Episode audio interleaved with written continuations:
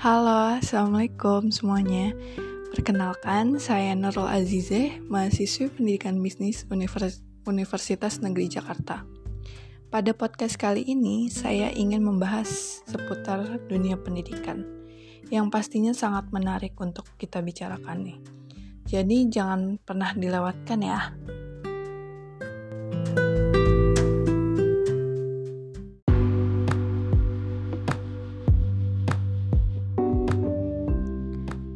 Jadi, ada sebuah kasus di mana pada suatu SMK jurusan bisnis dan marketing ada satu peserta didik nih di kelas yang memiliki keunikan karakteristiknya. Dia terlihat tidak fokus saat pembelajaran berlangsung dan cenderung tidak memperhatikan pendidiknya saat menyampaikan materinya. Akan tetapi hasil belajar peserta didik tersebut uh, berbeda. Uh, dia selalu menduduki posisi lima besar di kelas dan itu membuat pendidik heran karena sebelumnya ia tidak memperhatikan saat pendidik menyampaikan materi tersebut.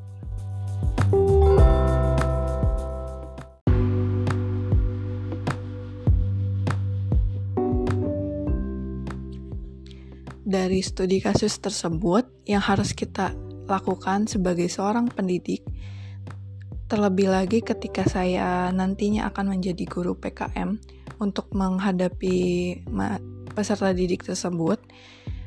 Untuk memotivasi belajarnya, ada menurut Ganya 9 langkah atau kegiatan untuk menarik perhatian peserta didik.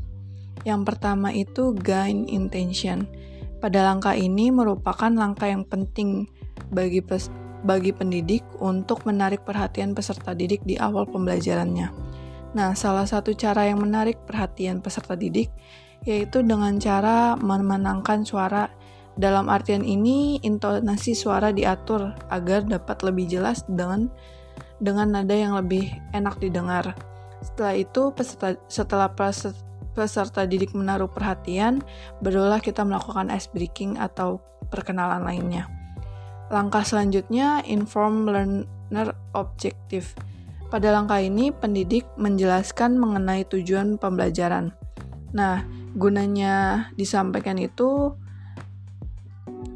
maksudnya disampaikan dengan kalimat yang mudah dipahami bagi peserta didik dan pastinya lebih baik dikaitkan dengan kehidupan sehari-hari. Selanjutnya, langkah ketiga yaitu prior learning maksud pada langkah ini apa sih?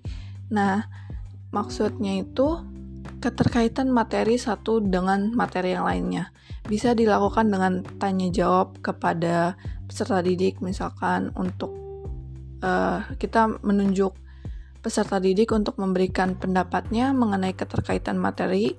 Terus kita bisa bahas juga bersama-sama dengan peserta didik lainnya yang belum uh, berkesempatan tampil di depan untuk menyampaikan pendapatnya.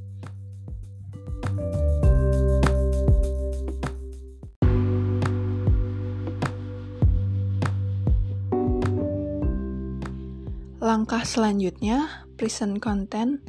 Setelah peserta didik dapat fokus, maka pendidik dapat memulai menyampaikan materinya dengan mengusahakan memakai metode-metode pembelajaran yang sifatnya student center uh, sehingga pendidik dapat melihat keaktifan peserta didik dan sejauh mana pemahaman peserta didik tersebut. Nah, lebih baik lagi jika metode tersebut dapat dihubungkan dengan kehidupan sehari-hari, karena sejatinya pengalaman subjektif akan membantu individu memiliki keingatan mendalam pada suatu hal, salah satunya materi pelajaran. Langkah kelima yaitu provide guidance. Langkah ini berkaitan dengan penggunaan media dan teknologi yang menarik.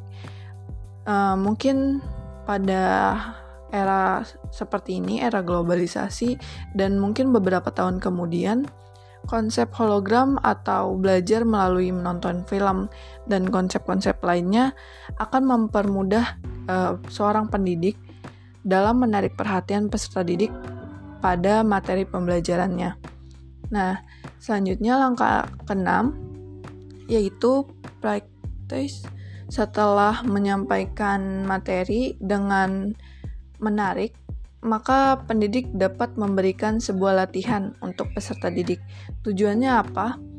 E, agar peserta didik dapat lebih memahami materi apa yang telah disampaikan oleh gurunya. Nah, latihan ini tuh tidak hanya berbentuk tes tulis, namun uh, saat ini banyak banget aplikasi atau web yang bisa digunakan oleh pendidik untuk membuat tes atau latihan uh, menjadi lebih menyenangkan sambil bermain game seperti kuisis atau teka-teki silang dan lain-lainnya. Nah, langkah ketujuh, provide feedback.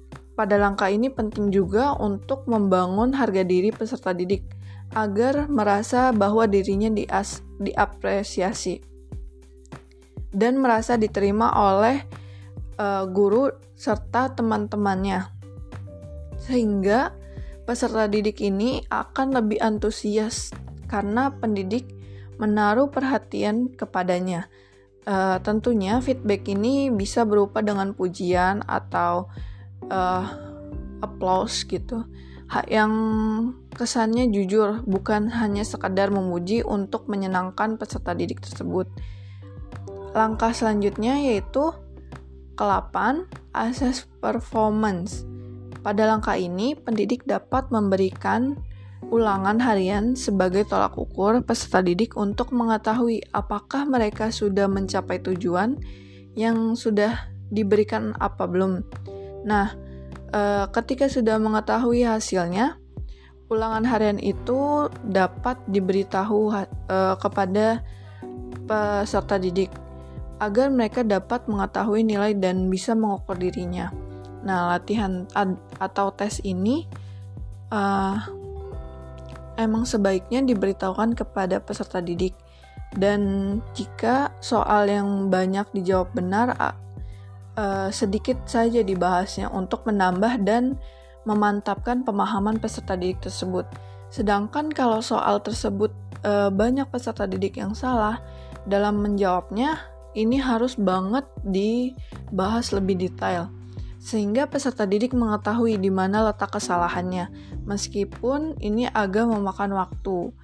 Namun dapat membantu peserta didik mengulang materinya dengan lebih baik dan membantu peserta didik lainnya yang uh, memahaminya mema memahami materi dengan kecepatan yang agak lambat agar dapat menyusul peserta didik lainnya yang dalam segi pemahamannya. Nah, langkah yang terakhir adalah enhance retention. Nah, langkah ini tuh penting juga mengenai bukan seberapa uh, banyak tugas yang diberikan, akan tetapi seberapa berkualitasnya tugas tersebut, berdampaknya dan dapat diter diterapkan pada kehidupan sehari-hari. Karena sejatinya belajar yang baik itu adalah yang dapat bermanfaat bagi diri sendiri maupun orang lain. Nah, sekian pembahasan kita mengenai studi kasus yang dikaitkan oleh teori Ganya mengenai 9 langkah menarik perhatian peserta didik. Semoga podcast ini dapat bermanfaat bagi teman-teman yang mendengarkan serta dapat diterapkan oleh guru-guru di Indonesia. Khususnya saya yang nantinya akan menjadi seorang guru di guru PKM di SMK di Jakarta. Nah, terima kasih. Lebih kurangnya mohon maaf. Wassalamualaikum warahmatullahi wabarakatuh.